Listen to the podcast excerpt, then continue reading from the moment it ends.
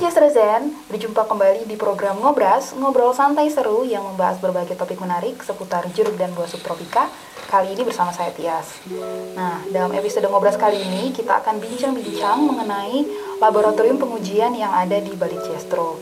Dan oleh karena itu telah hadir bersama kita seorang narasumber yaitu Ibu Mutia RT Duyastuti yang merupakan manajer mutu di Laboratorium Pengujian Bali Jestro. Halo Bu Mutia. Halo, selamat siang. Selamat siang. Bagaimana kabar hari ini Bu? Alhamdulillah. Alhamdulillah.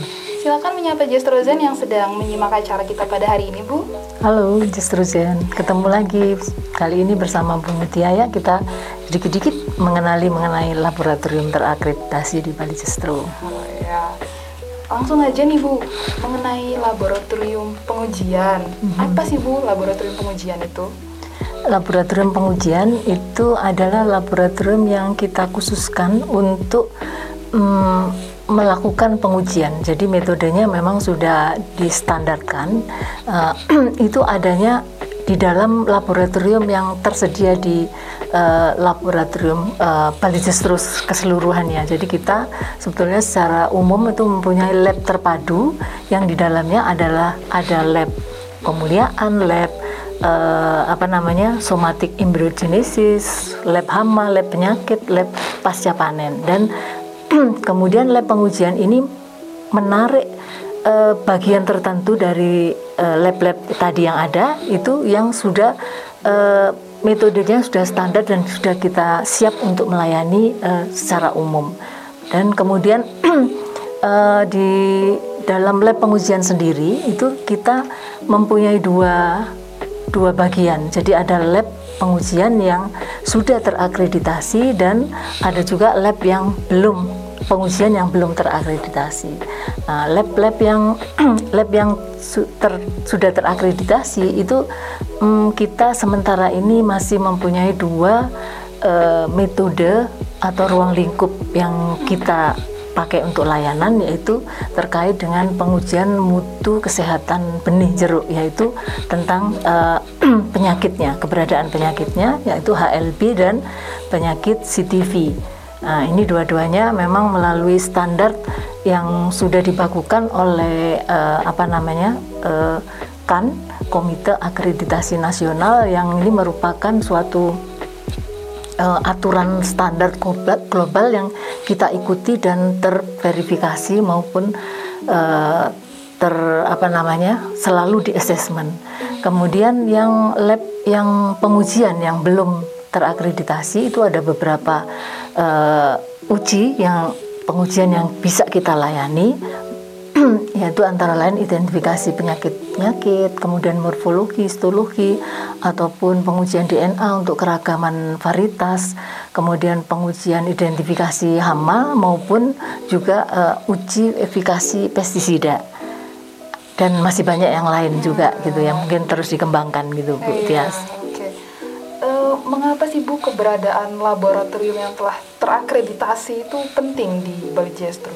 Ya, memang karena kita merupakan pusat uh, penelitian jeruk dan kemudian sekarang ini eranya adalah uh, laboratorium itu dituntut untuk memiliki standar. Saya kira semuanya ya, bukan hanya lab saja yang hmm. harus mempunyai standar dan lebih-lebih karena kita merupakan pusat penelitian khususnya jeruk ya, itu uh, ini memang dituntut untuk uh, terstandar antara lain dan nantinya juga lab lab uh, yang tadi apa metode uji lainnya itu nantinya ke depan itu juga harus distandarisasi diakreditasi tapi sekarang ini memang masih terkait dengan uh, pengujian mutu kesehatan itu. Jadi ini tuntutan globalisasi Bu. Jadi harus semuanya berstandar. Kemudian uh, di samping itu uh, Bali Jestro itu juga mempunyai produk tadi ya, produk unggulannya itu adalah benih bebas penyakit atau yang masyarakat mengenalnya lebih ke arah bibit bebas penyakit. Nah, bebas penyakitnya ini kayak apa gitu? Artinya sudah dilakukan pe produksinya, kemudian disebarkan ke masyarakat, tapi bagaimana standar pengujiannya ini masih bebas atau belum? Sudah. Hmm atau masih belum bebas atau masih ada infeksi ulang. Ini harus ada suatu standar pengujian yang bisa di uh, apa namanya dipercaya. Dan begitu kita melakukan uh, akreditasi di dalam lab pengujian ini, ini ada jaminan mutu secara nasional maupun internasional. Jadi kita labnya terakreditasi uh, ISO IC 17025 2015. Jadi ini sampai sekarang dia kita sudah uh, melalui dua reakreditasi keren sekali ya Bu ya. Alhamdulillah ya. Memang memang karena karena ini tuntutan jadi mau tidak mau lembaga penelitian harus ke arah sana. Apalagi misalnya nanti hasilnya ini juga karena uh, biasanya akan lebih dipercaya hasil hasil pengujiannya. Uh, kalau kita misalnya publikasi paper secara internasional, kemudian melakukan pengujian di lab terakreditasi, ini akan lebih dipercaya dan akan lebih mudah untuk publish gitu. Betul, ya. betul, betul. Kalau fasilitas yang ada di lab pengujian itu sendiri apa aja ya Bu? Uh, lab kita standar untuk pengujian PCR tentu saja ya mesin PCR-nya, water bath, kemudian alat-alat sterilisasi semua, kemudian ada ruang terpisah. Itu antara kita ekstraksi, kemudian mau membuat mix um, primernya, kemudian juga untuk melakukan apa pengamatan elektroforesis melihat keberadaan uh, patogennya itu sendiri itu terpisah-pisah supaya DNA-nya tidak terkontaminasi. Dan itu. Dan ada juga alat uh, ini apa namanya uh, water bath itu juga untuk memisahkan uh, apa namanya pada panas tertentu. Ini memang diharapkan memisahkan eh, ini apa namanya DNA bakteri, virus dengan jaringan tanaman. Ditambah dengan centrifuge tentu saja ya.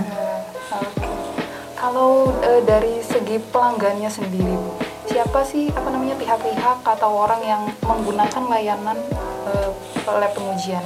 Yeah. Iya.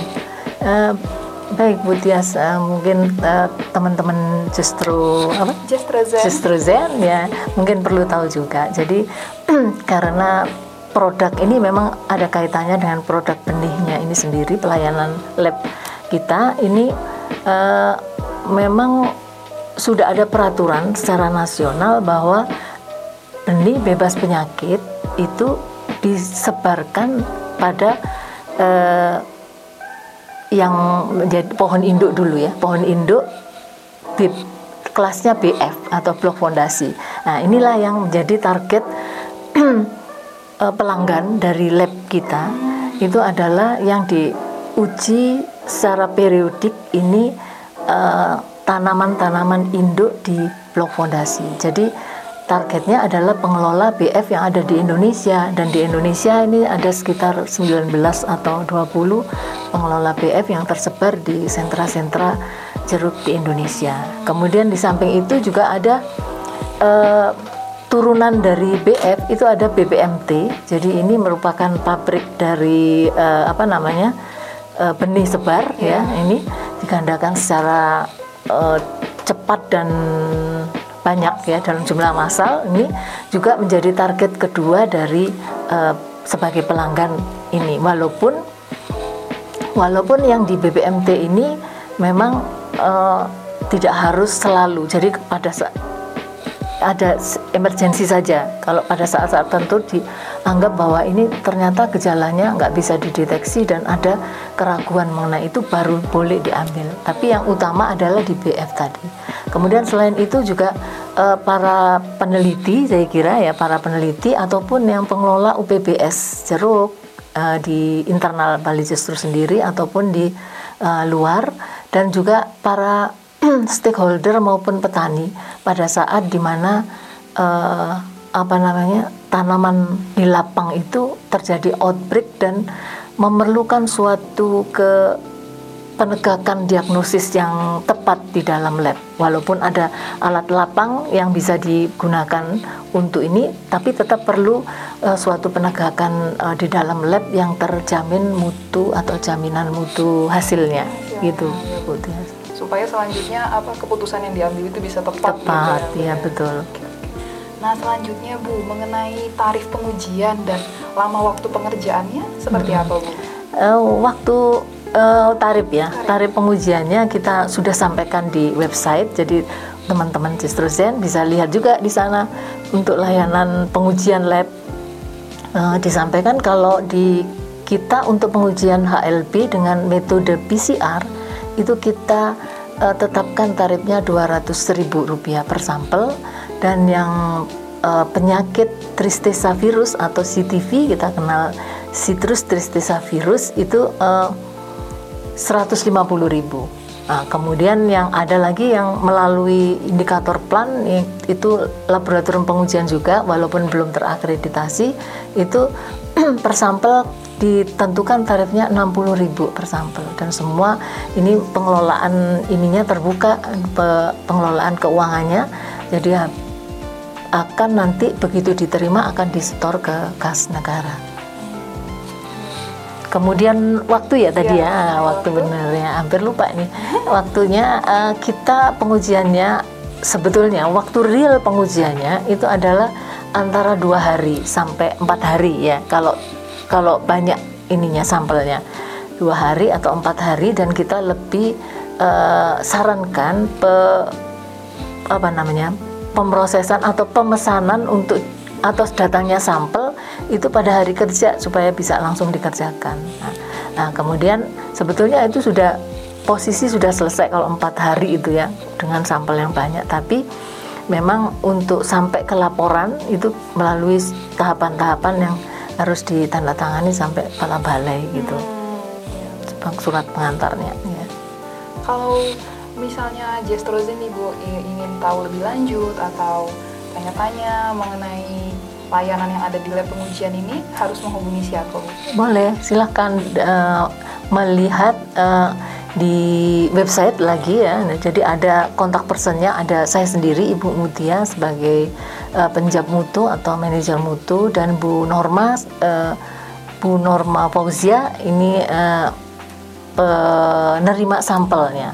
Jadi silahkan juga kalau mau uh, apa namanya ingin menanyakan lebih lanjut mengenai proses maupun uh, kinerja kita di sini silahkan. Nah, Just Rosen, uh, kalau misalnya ingin tahu lebih lanjut mengenai laboratorium pengujian ini, seperti yang tadi Bu Mutia telah sampaikan, bisa uh, cari info lebih lanjut di website Balik Jestro. Jangan lupa juga untuk uh, ikuti semua media sosial Balik Jestro. Kita ada Facebook, Twitter, uh, ada Instagram juga, dan yang terakhir ada TikTok. Nah, semoga apa yang Bu Mutia sampaikan pada hari ini bisa bermanfaat untuk kita semua ya. Kita pamit undur diri dulu. Sampai jumpa, Jastra Zen.